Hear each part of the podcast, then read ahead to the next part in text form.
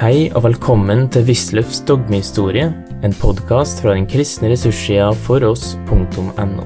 Med gjennomgang av Den kristne kirkes dogmehistorie av tidligere professor ved Menighetsfakultetet, Carl Fredrik Wisløff. Om, om kirkegården med fane og, og palmeesel. Det var stor begeistring på palmesøndag når man i de sydligere landet man eh, etterlignet altså og fremførte et slags eh, opptog, Jesu inntog i Jerusalem, og det gjaldt å få dratt dette lyret inn i kirken. Og jo mer eselet da skrek og skrøt inne i kirken, dess større var jubelen. Og også uh, forskjellige sånne kirkespill i den form som de under tiden hadde. Ikke uten videre kirkespill uh, i en seriøs form. Det har flere av reformatorene faktisk forsvart. Men i den eh, form som de under tiden hadde, eh, det, det pleier man å, å, nevne, og det har ikke noen plass i Kirken. Utviklingen gikk der i retning av en strengere forståelse av det der om at det var Guds ord som skulle dominere i, i Kirken. Man kan med andre ord ikke ta hva som helst og si det er en fri sak. Eh, men eh, det fins virkelige middelting, og det er sånne kirkelige seremonier som ikke strir mot Guds ord, men som mennesker har forordnet i Kirken. Og det gjelder da ikke minst eh, seremonier, altså liturgiske ordninger og sånt noe. Nå er ikke den saken så lett som den kunne synes, for det var, det fantes adiafora som eh, man var enige om var av diafora, men som allikevel lutherdommen har beholdt lenge i en utrolig konservatisme. F.eks. seremonier ved dåpen. Det var jo der eksorsismen, eh, djevelutdrivelsen. Presten sa 'far ut, du urene ånd, og gi rom for Jesu Kristi ånd'. Det, det, holdt man på, for det, mye av den grunn at de reformerte forkastet det, og da var det tryggeste å beholde det, syns man. Og, men, men, det var de fleste enige om at dette var egentlig en fri sak.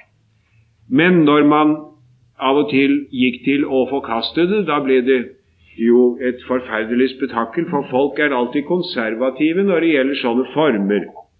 Og Det er et berømt eksempel fra 1590 i Leipzig, under den eh, kortvarige eh, kryptokalvinistiske innflytelse som man hadde da i Saksen under hertug Kristian den første, eh, da avskaffet de altså uten videre denne eksorsismen for en kort stund.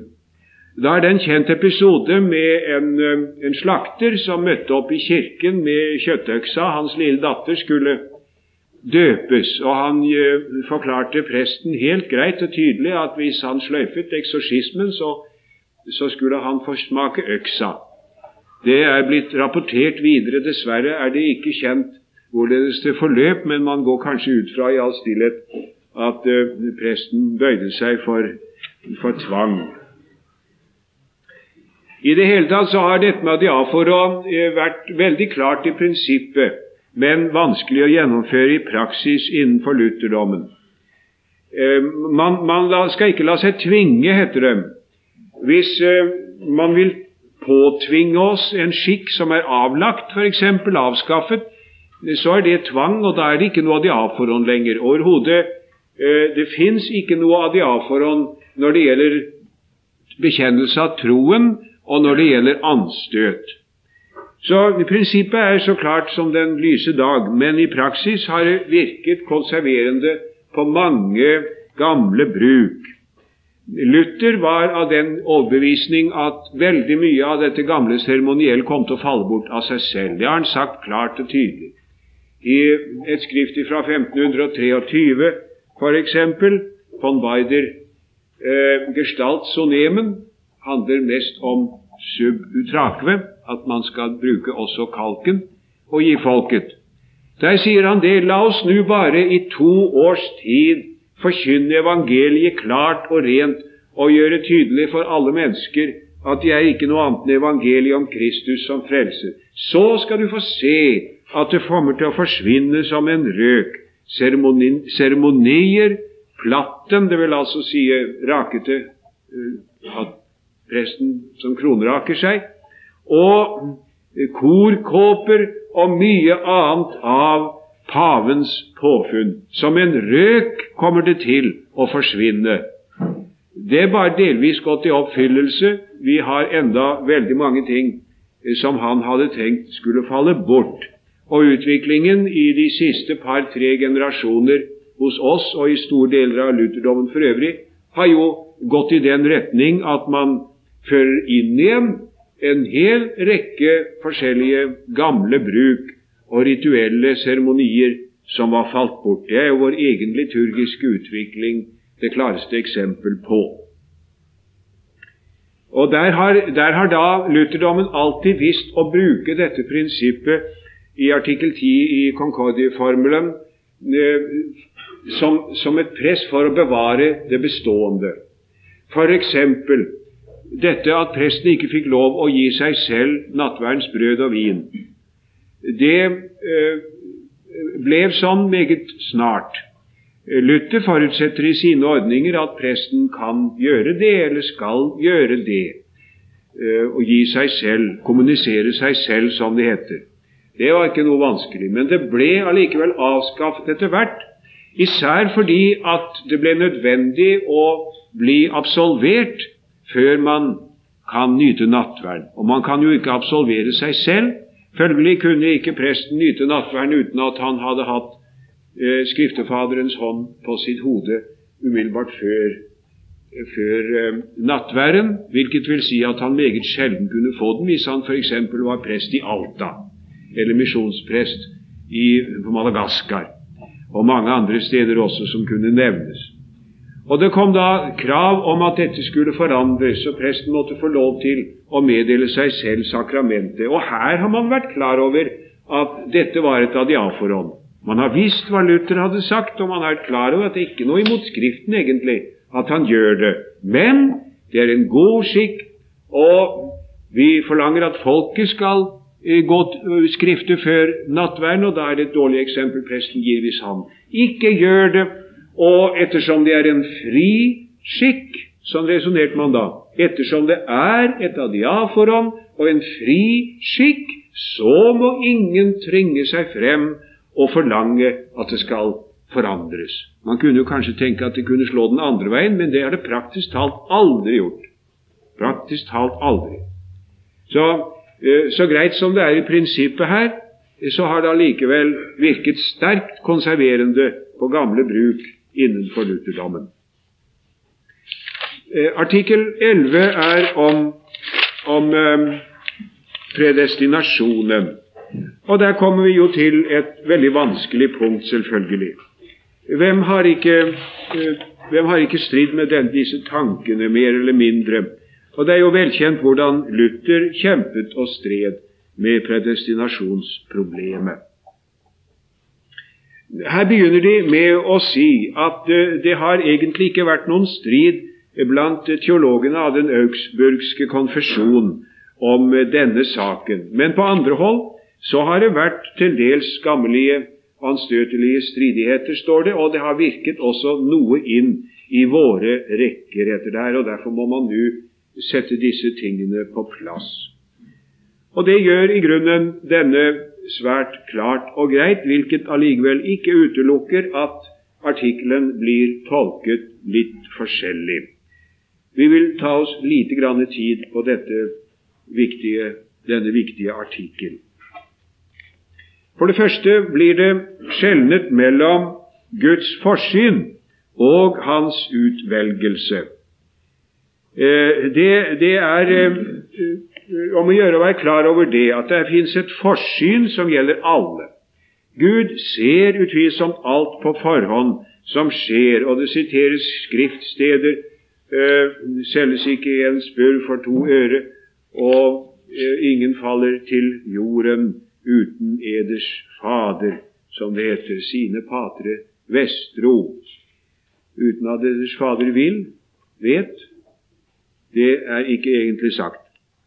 Og Det er også andre ting som viser at Gud ser alt på forhånd og vet alt. Men hans evige valg, nådevalg eller predestinasjon, den gjelder eh, bare, bare Guds barn. For Gud har aldri forutbestemt noen til fortapelse. Det fins ikke noe skriftsted, heter det, som sier oss at Gud har bestemt noen til fortapelse. Med andre ord forkastes læren om den dobbelte forutbestemmelse helt avgjort. Og det henger sammen med at uh, Gud vil at alle skal bli frelst. Det er uh, det neste hovedpunkt som her slås fast om igjen og atter om igjen. Det er ikke slik at Guds kall bare kommer liksom rent utvalgte som ikke er alvorlig ment. Det er alltid alvorlig ment.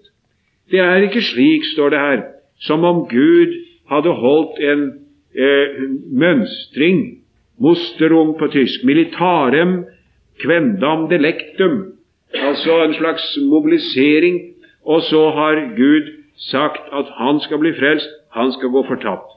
Nei, slik er det ikke. Det har aldri vært sånn. For Gud vil at alle skal bli frelst. Og derfor er Hans ord som lyder til oss, alvorlig ment. Seria. Det er alvorlig ment. Det er naturligvis vendt imot den, den reformerte oppfatning som lærer vocatio non seria.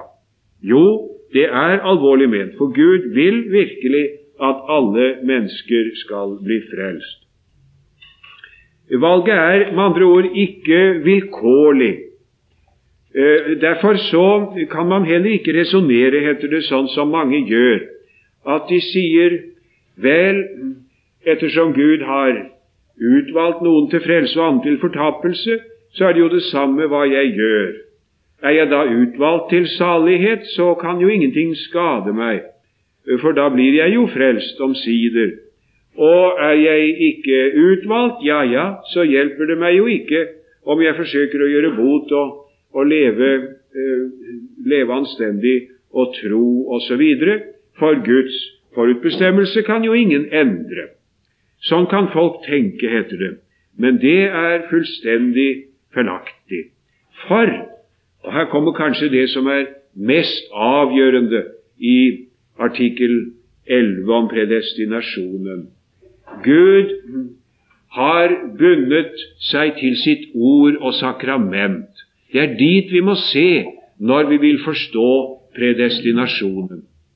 Vi kan ikke gruble over predestinasjonen i og for seg og gjøre oss tanker om hva Gud har bestemt i sitt råd. For Gud har bestemt at han vil handle ved sitt ord. Han lar sitt ord utgå, og dets kall er alvorlig ment. Og han har gitt oss sine sakramenter som på samme måten er virkekraftige. Hans nåde gis gjennom ord og sakrament. Og hvis da et menneske forakter Guds ord, så må han ikke tro at han er utvalgt. kan han ikke gjøre. Men han må holde seg til Guds ord. Og det er noe av det som viser at et menneske er utvalgt. Det er nettopp hans holdning til Guds ord. Lar han seg tukte og dømme av Guds lov, og lar han seg trøste og oppreise av Guds evangelium, så kan han av dette sitt forhold til Guds ord erkjenne at han visselig hører til dem som Gud har utvalgt til evig liv. Det er nemlig sånn at Gud, som vet alt på forhånd, han har sett hvorledes man kommer til å forholde seg. Frelsen er knyttet til Guds ord, og frelsen tilbys alle. Men ikke alle tar imot Guds ord. Og Gud har da sett dette på forhånd. Og så har jeg sitert her eh, litt forkortet, bundet setningen sammen med å utelukke noen innskudd som ikke har noe avgjørende betydning for meningen i en sum. Deus ordinavit ut spiritus sanctus electus electos per verbum votsett. atque omnes illos qui Christum vera fide aplectuntur justificet. Atque in eos eternam salutem conferat. Ita eos qui verbum repudiant reprobare et eterna damnationi eh, devovere velit. Altså, Gud har bestemt at han vil kalle sine hellige at han vil kalle sine ut eh, at Hans hellige ånd skal kalle de utvalgte ved ordet, og at alle dem som tar imot Kristus i en sann tro, skal han rettferdiggjøre og føre dem til evig frelse. Og likeså har han bestemt at de som forkaster Hans ord, eh, vil han forherde og overgitt til en evig fordømmelse. Eh, jeg kan ikke skjønne at dette kan forstås egentlig på mer enn én måte. Eh, her er egentlig den strenge predestinasjonstanke oppgitt. Dette stemmer nå for det første ikke med Calvin, den sak er jo ganske klar, som sier Eh, ikke alle fødes under samme vilkår. For Gud har bestemt noen til å gå fortapt, og han har bestemt andre til å bli frelst. Eh, her, Det er ganske uten ethvert hensyn til hva Gud på forhånd har sett. Han utvelger etter sitt ukjente råd. Det er ikke ex previsa fide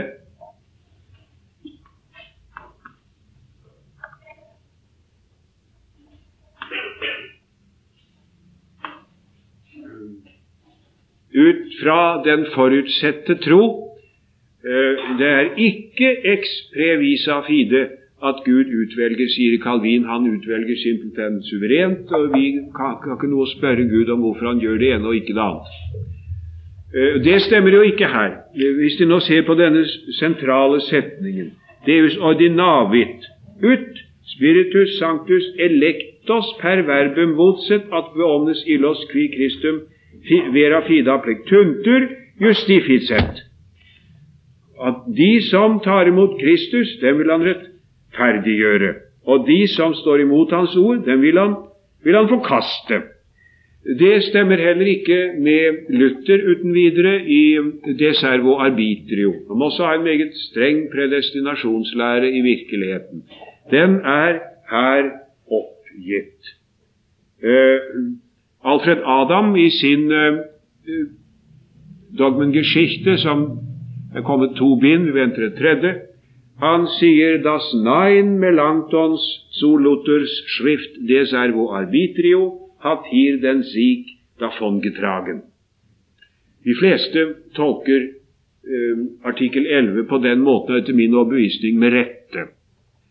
Her er den strenge predestinasjonslære oppgitt, og her finner vi da det syn som har vært eh, lutherdommens rent, rent historisk. Eh, jeg skylder da å tilføye at eh, ikke alle forstår det på denne måten. Og eh, Min kollega professor Leif Aalen eh, tolker det annerledes, og de vil, eh, når den tid kommer, også bli kjent med hans tolkning gå ut fra.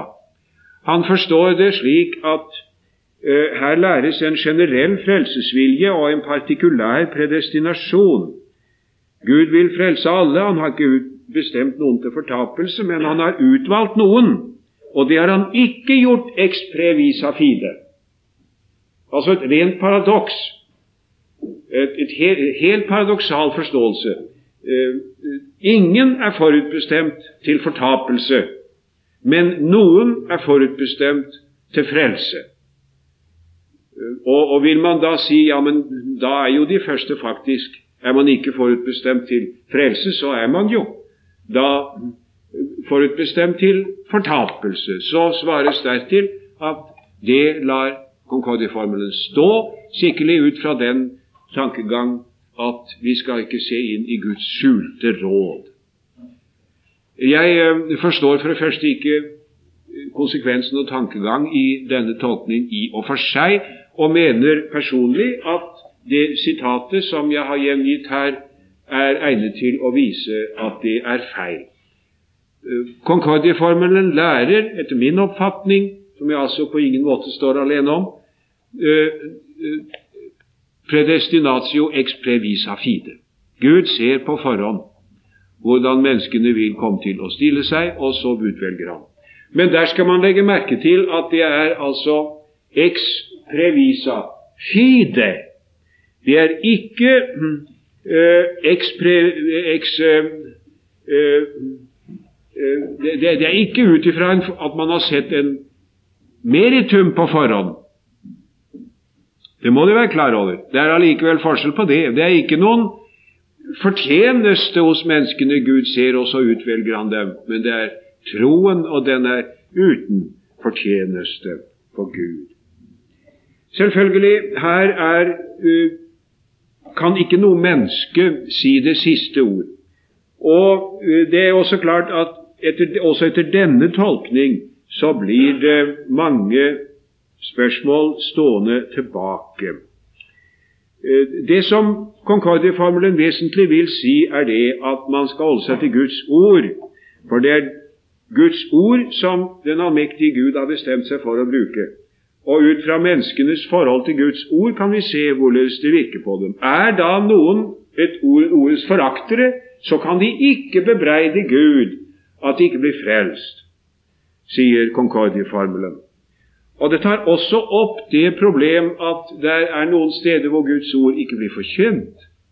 Og det er noen steder hvor ordet blir forkynt i en sånn en forvrengt skikkelse at man neppe kan oppfatte dets klare tilbud, tilbud og, bli, eh, og, og, og, ta imot det til troen.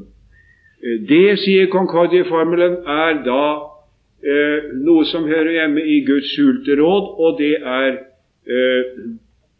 en straff over menneskenes synd og vantro. Og Det er en tanke som er jo blitt fullstendig borte for oss, men som vi også finner hos Luther. At eh,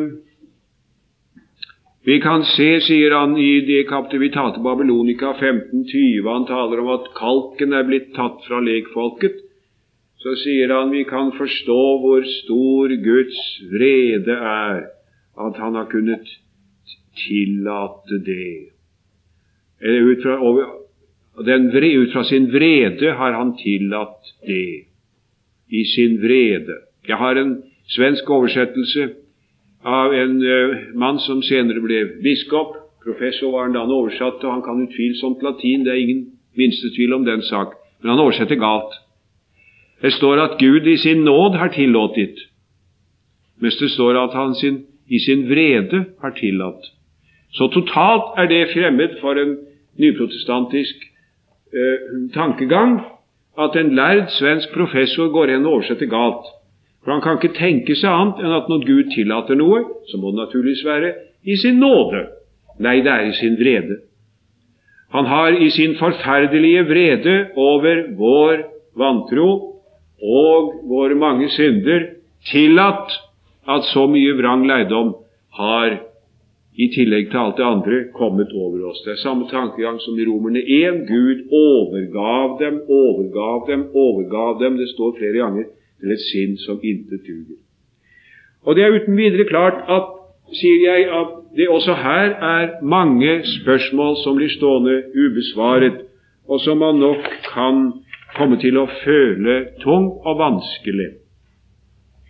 Men da må man være klar over, mener jeg, at vi her på denne tid i Den kristne kirkes historie ennå gjennomgående har en annen problemstilling enn den som man gjennomgående har nå.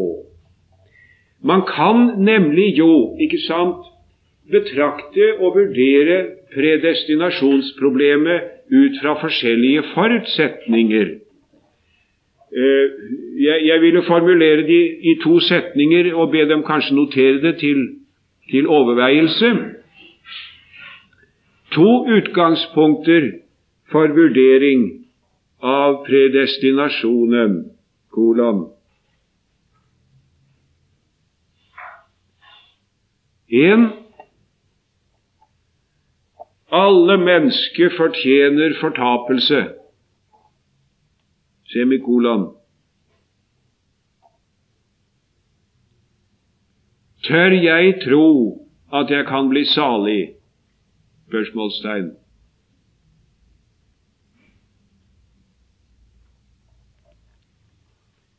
To.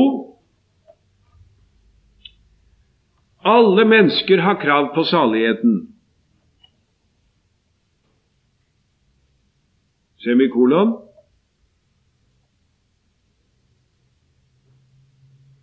Må jeg virkelig tro at noen går fortapt? Spørsmålstegn. Det, det, det, det, gjør ikke så rent lite hvilket utgangspunkt man har for en, for en betraktning av denne hemmelighet. Eh, om man går ut fra at vi fortjener helvete alle sammen, og jeg i høy grad fortjener det, tør jeg likevel tro at jeg kan bli frelst. Om man i det lys ser på predestinasjonen, så blir eh, kanskje tankegangen noe annerledes enn om man går ut fra at vi har da krav på saligheten alle sammen. Er det virkelig mulig at noen skal gå fortapt? Den første problemstilling er ennå reformasjonstidens, den andre er vår. Vår tids. Og den er neppe inspirert av bibelsk tankegang. Det er den visselig ikke. Det var visst en som rakte opp hånden og ville spørre om noe, var det så? Ja. Det var eh, det sitatet fra Jeg tror jeg fast om det gikk videre.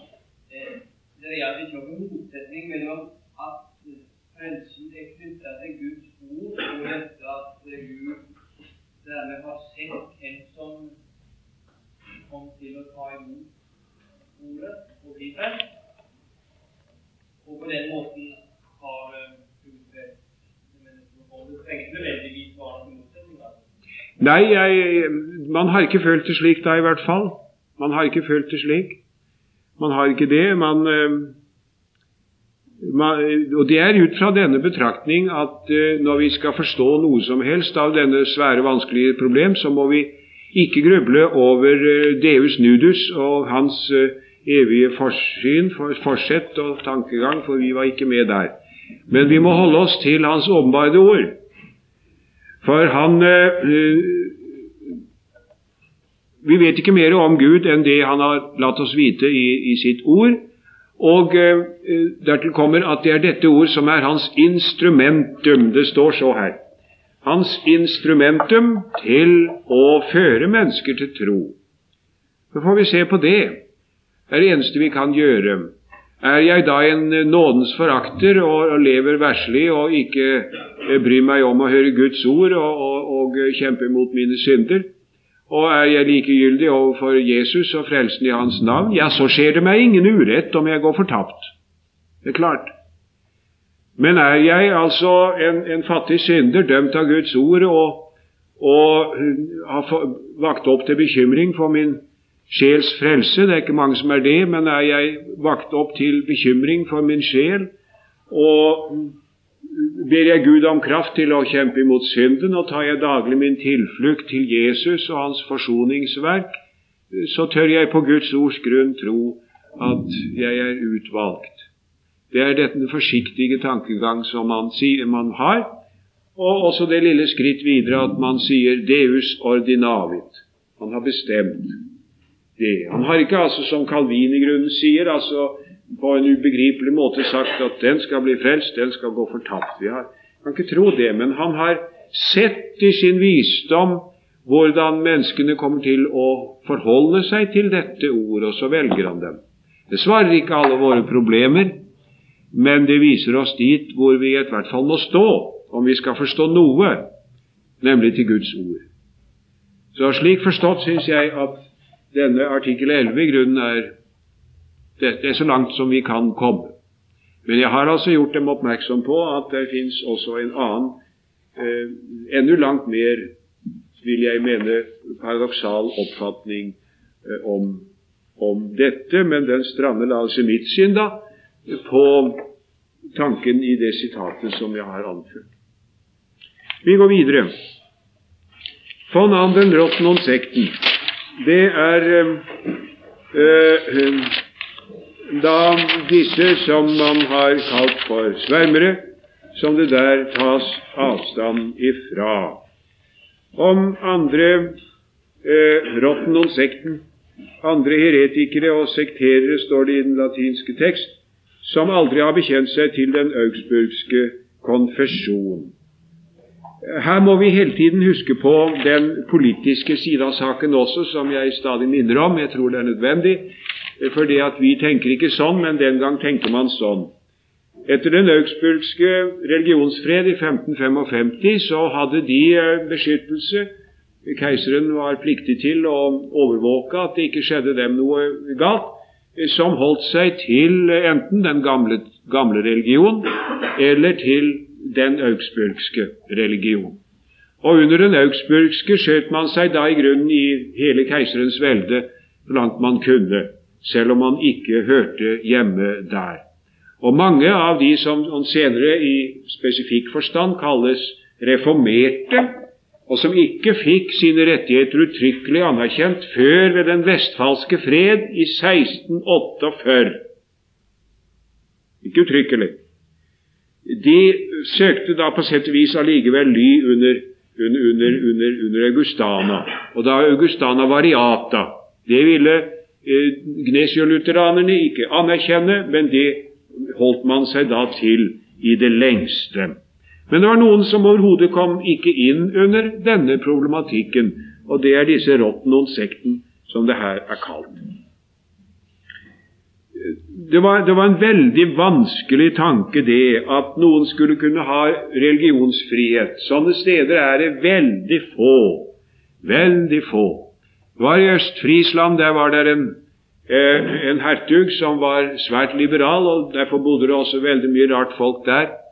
I Strasbourg var det en tid, til 1531, veldig mye rare mennesker. Wolfgang Capito han hadde så mye besynderlige folk som gikk i hans hus, og Botser var mildt fortvilet over dette og motarbeidet det efter evne. Og da så Capito mistet sin elskede hustru i sykdom, så så han det som en Guds straff og dom over at han hadde vært altfor slapp imot vranglærere og kjettere som hadde ferdet i hans hus, og han gikk inn for at de skulle stenges ute, hvilket skjedde. Eh, det, det, var altså enkelte steder. Philip av Hessen ville ikke ta livet av noen, han forbød sine sønner strengt å gjøre det. Jeg vet jo ikke selv om jeg er en kristen, sa han. Det er noe rørende ved dette vitnesbyrdet av den gamle kriger. Og, det var en hertug von Alefelt i Holstein som til, øh, som til øh, Christian 3.s store fortrydelse lot Menno Simons få lov til å bo der i flere år. Følgen var at det kom naturligvis flere og flere gjendøpere, for disse menneskene skulle et eller annet sted være. Hva var de da der? Og Luther skriver i 1528 imot, imot døperne og klager veldig over at ikke de trer frem, og på 30-årene enda hardere i det skriftet som heter eh, von den Schleichen und Winkelpredigen og klager over hvorfor sniker dere omkring i mørket, hvorfor står dere ikke åpent frem? Åpent frem, det var jo pinbenken, det, og fengselet med en gang. Så det kunne jo kanskje være grunner til at man ikke sto åpent frem. Eh, disse menneskene, altså forunderlige, rare mennesker med mange former for vranglære, det er ingen tvil om, har allikevel da vært pionerer for eh, religiøs toleranse og for krav om, om, eh, om religionsfrihet. Her er denne eh, konstantinske corpus christianum i ferd med å oppløses. Og i virkeligheten er religionsfreden av 1555 også med på å oppløse eh, den gamle corpus christianum. Faktisk. For eh, der var det jo bestemt at ingen skulle føre krig mot noen på grunn av hans tro hvis han var lutheraner. Ingen hadde lov til det at man gjorde det siden, og hadde 30-årskrigen 100 år senere nesten. Det er jo noe vi alle vet, men det var i hvert fall innrømmet og slått fast allerede den uhyrlige tanke at man skulle kunne ha forskjellig tro. Det gikk simpelthen ikke noe annet, innrømmet man her, i hvert fall i prinsippet. Sånn at man hadde valget mellom evig religionskrig eller en viss slags form for for toleranse. Man, man hadde ikke toleranse innen de enkelte områder, således absolutt ikke i Danmark og Norge. Men og hvor lite det var av det, kan man jo se f.eks. F.eks. da under hugenottkrigene, da den, vår dronning den gang, som var en hugenottprinsesse, gjorde sitt aller ytterste for å få plass til forfulgte franske hugenotter etter at Ludvig 14. hadde opphevet det nantiske edikt i 1685. Og de slo i hjel alle som forsøkte å flykte. Men mange greide det jo, og noen ville slå seg ned i Danmark. Dronningen gjorde sitt beste for å fremme det, men eh, fromme biskoper med Kingo i spissen eh, gjorde sitt aller ytterste for å hindre det. Jeg vet ikke hvilken kirke våre, våre efterkommere skal finne for seg her i Danmark, sa biskop Bagger. Men prinsippet er brutt i 1555 allikevel. Corpus Christianum går i oppløsning. Disse eh, menneskene blir da her nevnt. Irrige artikkel der Wiedertäufer, eh, det går på dåpen, barnedåpen, som de forkaster. Og det går ikke minst på dette med øvrigheten. Og det er ikke tilfeldig, det vil man forstå på den bakgrunn som jeg nettopp nevnte. For døperne hadde den oppfatning at de Obrigkeit kein gottselige Stand im Neuen Testament sei, som det står her. En, man, man, må ha en øvrighet, men en kristen kan ikke være øvrighetsperson. Denne merkelige dualisme hadde de altså.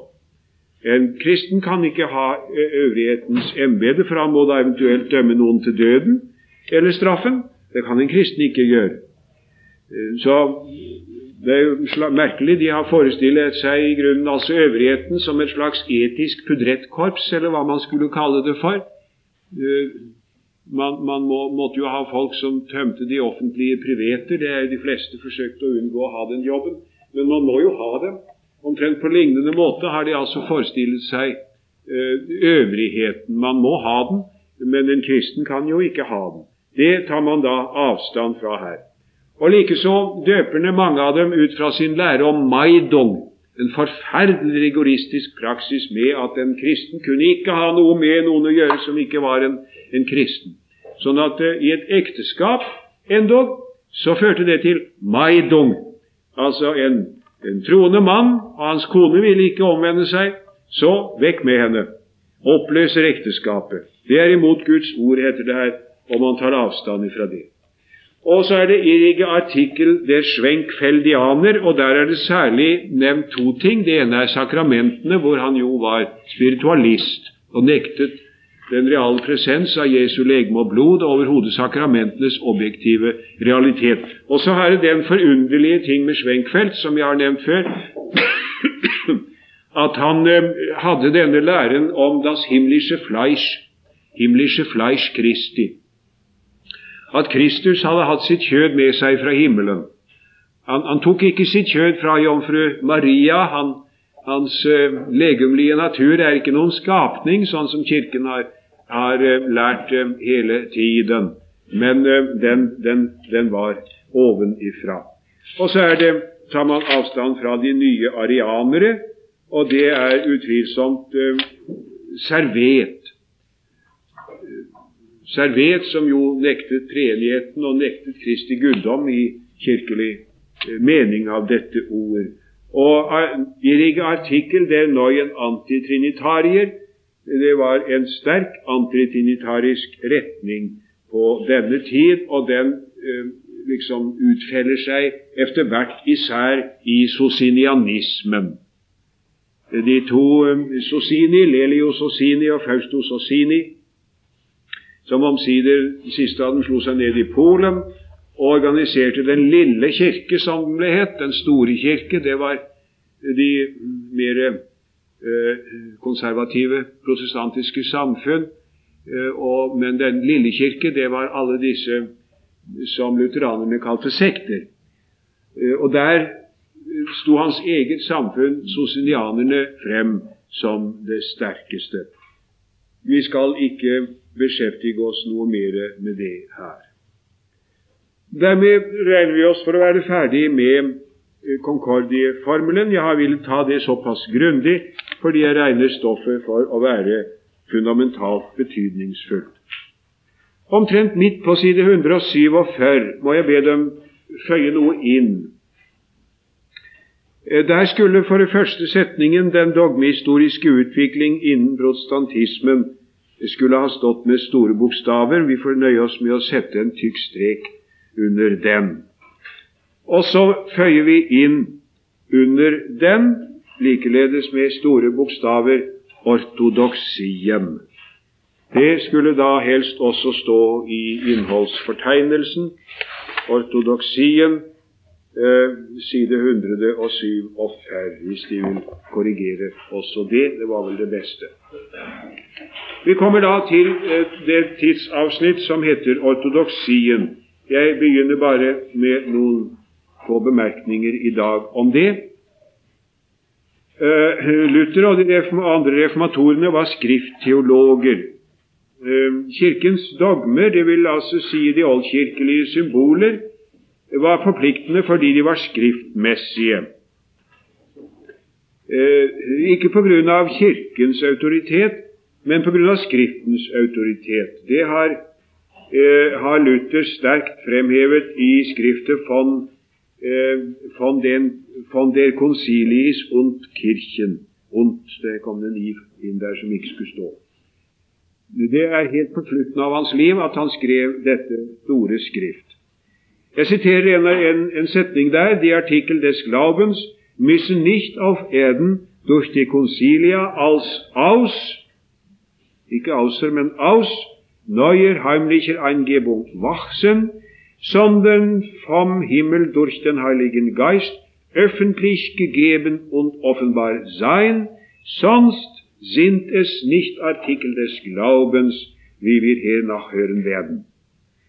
Altså, troens artikler må ikke være vokset opp av jorden ved konsiler, kirkemøter, som om de hadde fått en ny hemmelig inngivelse men den må være offentlig gitt fra himmelen ved Den hellige ånd og være åpenbar for alle. Ellers er det ikke trosartikler, som vi senere skal se. Hvilket altså mer konkret vil si det samme som i de smalkaldiske artikler. Guds ord alene skal oppstille trosetninger, og ellers ingen, ikke engang en engel. Eh, man, man, er her overbevist om to ting. For det første Skriftens absolutte suverenitet. Den suffisientia, som ortodoksien senere kom til å si det. Eh, det er tilstrekkelig, det som er sagt i Skriften, når vi forstår det rett. Og for det andre at det egentlig ikke er noe nytt i troen.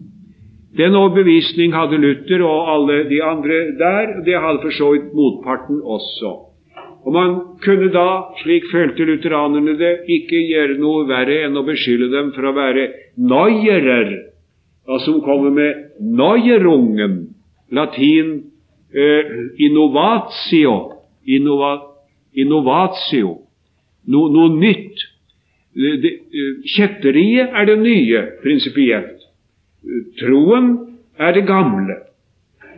Troen har egentlig ingen historie. Dogma har ingen historie. En fag som dogmehistorien, contradictio in adjecto, etter disse menns eh, overbevisning. Det som da konsilene skal gjøre når det er ekte, sanne konsiler, er ikke noe annet enn å avvise vranglæren og stadfeste den gamle troen. Det er viktig, for her ser vi igjen, som jeg har nevnt før, den overbevisning som Lutherkirken hadde om å være en fortsettelse av den sanne kristne kirke på jorden. Vranglære som har kommet inn, forkastes. Det var egentlig ikke noen ny kirke. Det var øh, disse rotten und sekten, det som ikke ville nøye seg med en reformatio, men øh, forlangte en helt ny gjenopprettelse av Kirken ut fra den tankegang at den egentlig ikke fantes lenger. Du har nå hørt Wisløffs dogmehistorie. Finn flere ressurser og vær gjerne med å støtte oss på foross.no.